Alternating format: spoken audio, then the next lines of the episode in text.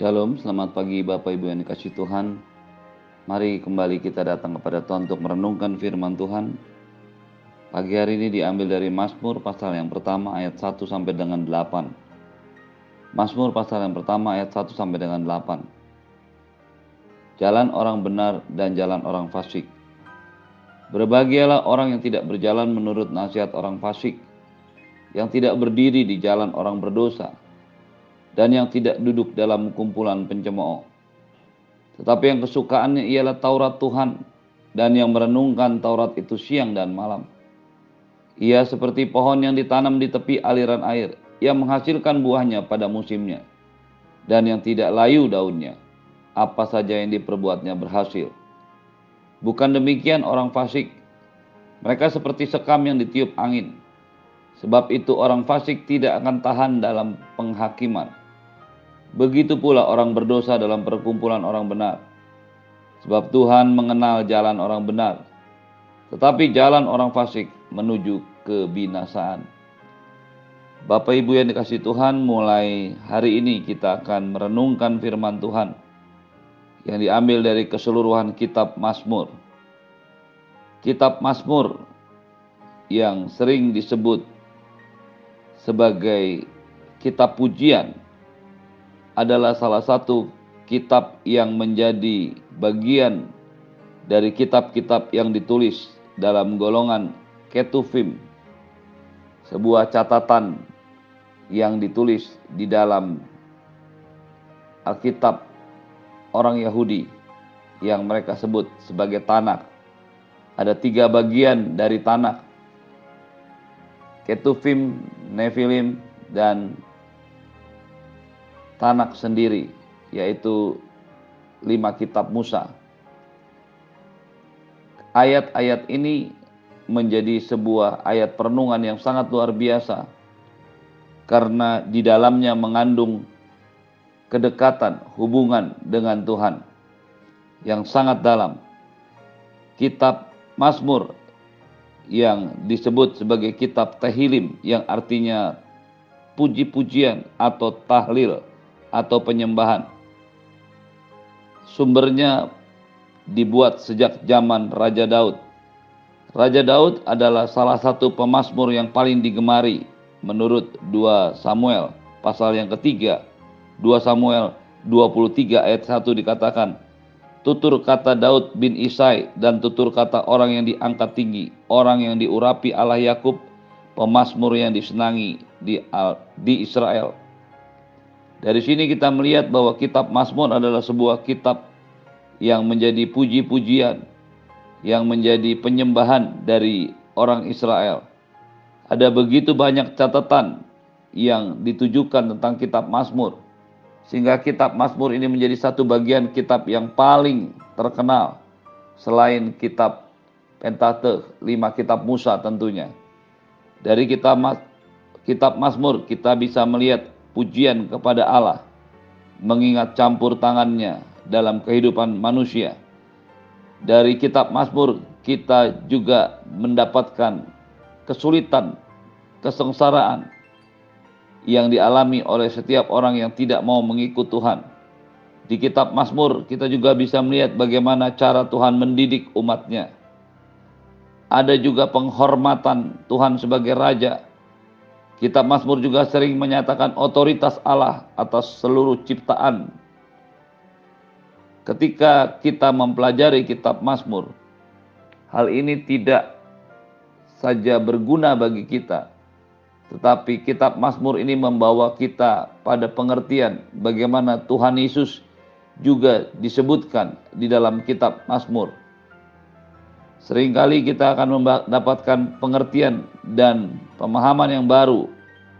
Apa yang ditulis oleh Raja Daud atau pemazmur lain tentang Tuhan Yesus itu sudah diungkapkan, sudah disingkapkan ratusan tahun bahkan ribuan tahun sebelumnya. Melalui kitab Mazmur yang disusun dalam beberapa jilid kita akan melihat bagaimana puji-pujian kepada Allah bagaimana pengenalan kepada Allah diberikan oleh orang-orang Israel dan juga seharusnya menjadi tulisan atau kehidupan bagi orang-orang percaya pada masa kini.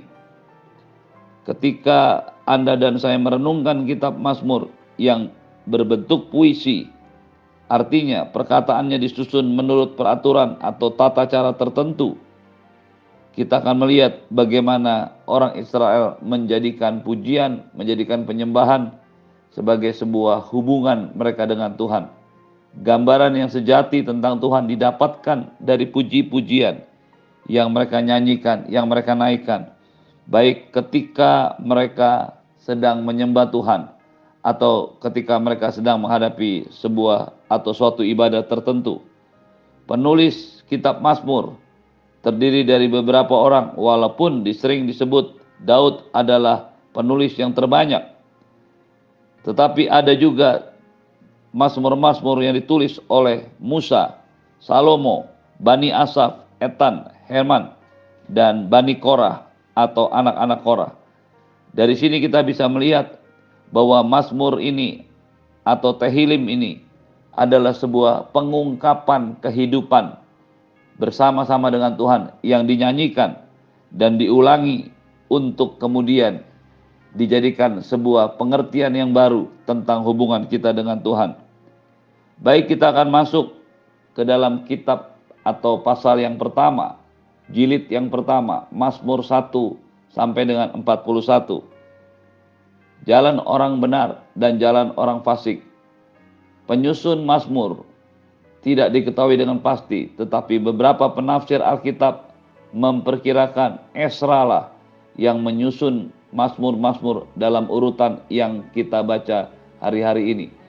Mazmur pasal yang pertama dan yang kedua merupakan kedua Mazmur pembuka yang menjadi petunjuk untuk bisa memahami Mazmur-Mazmur selanjutnya.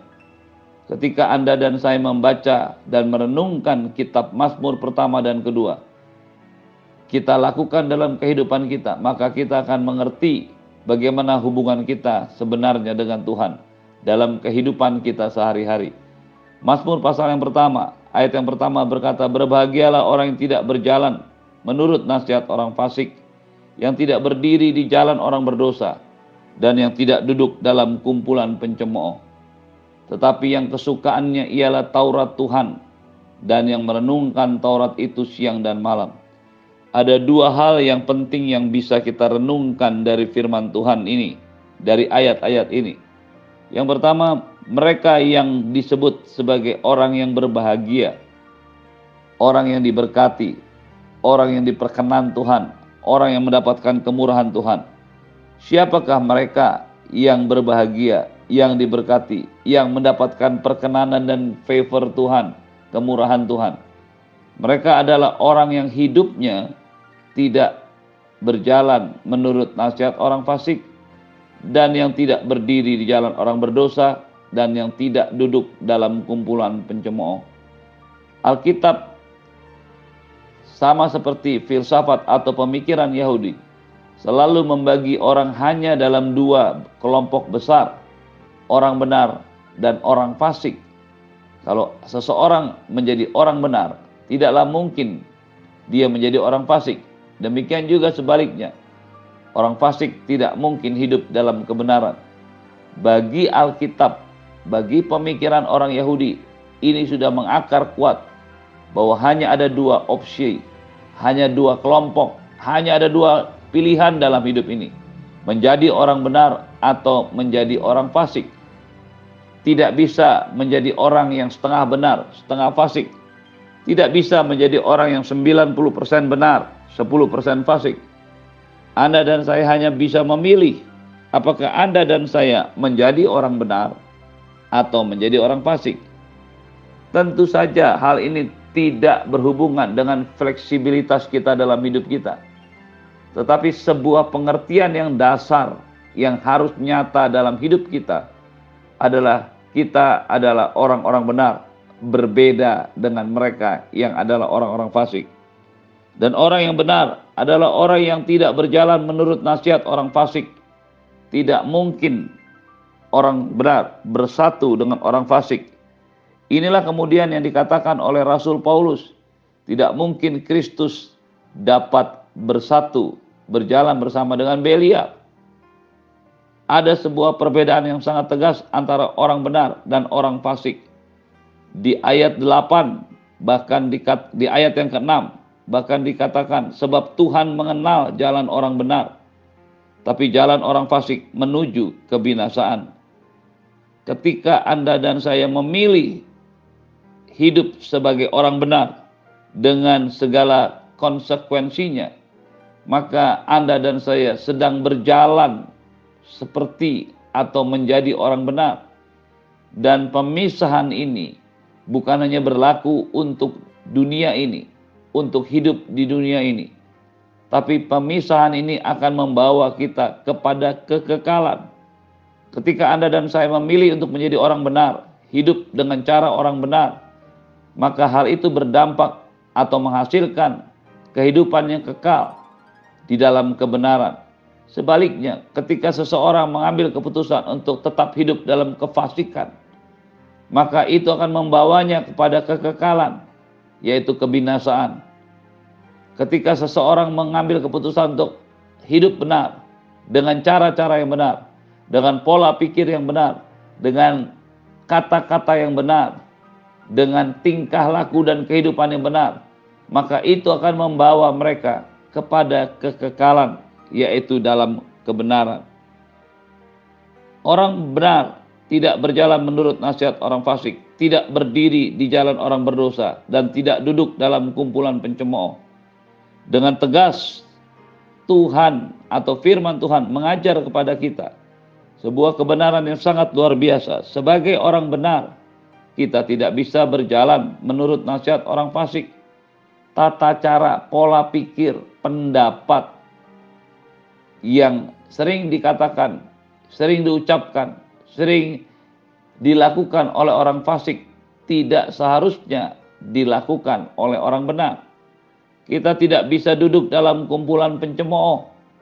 Kita tidak bisa tenang dan senang berkumpul bersama-sama dengan para pencemooh Siapakah yang disebut para pencemooh?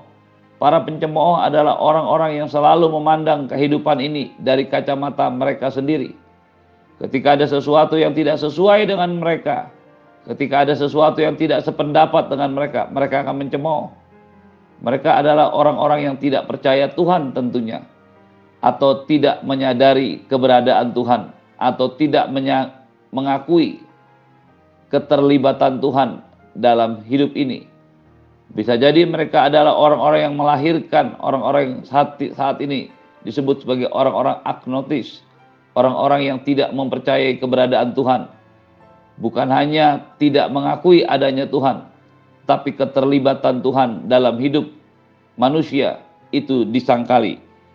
Ketika Anda dan saya hidup bagi diri kita sendiri, ketika Anda dan saya hidup dengan pola pikir kita, maka kita menjadi bagian dari orang-orang yang disebut orang fasik. Orang benar, ciri yang kedua, bukan hanya dari cara hidupnya, tetapi kesukaannya. Kesukaannya ialah Taurat Tuhan dan yang merenungkan Taurat itu siang dan malam. Bagaimana orang yang benar bisa hidup tidak berjalan seperti orang fasik, tidak duduk dan dalam kumpulan pencemooh, dan tidak berdiri di jalan orang berdosa Bagaimana mereka bisa melakukan itu? Karena mereka di sisi yang lain memiliki kesukaan Taurat Tuhan, memiliki kesukaan firman Tuhan.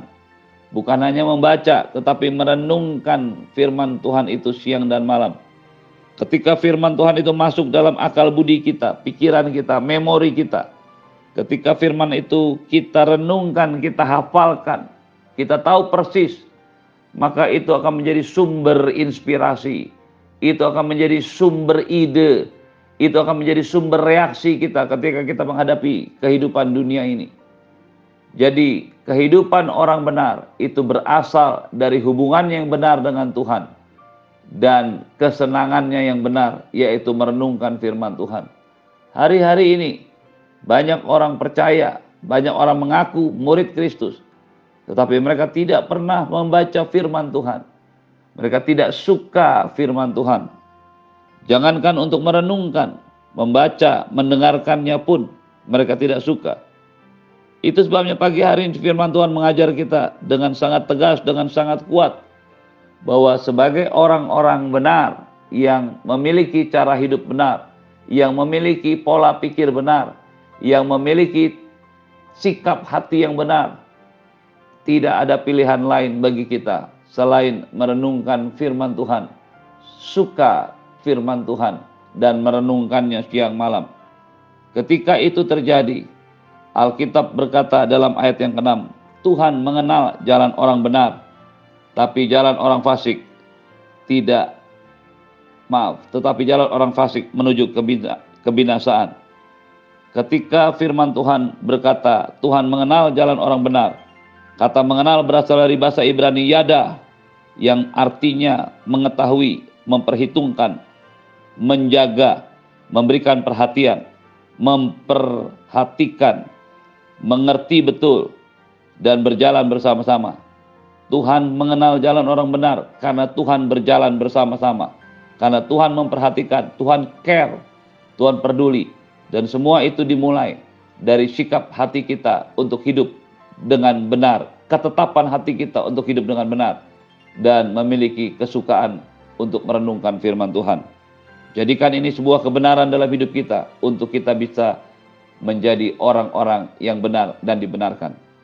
Shalom, selamat pagi.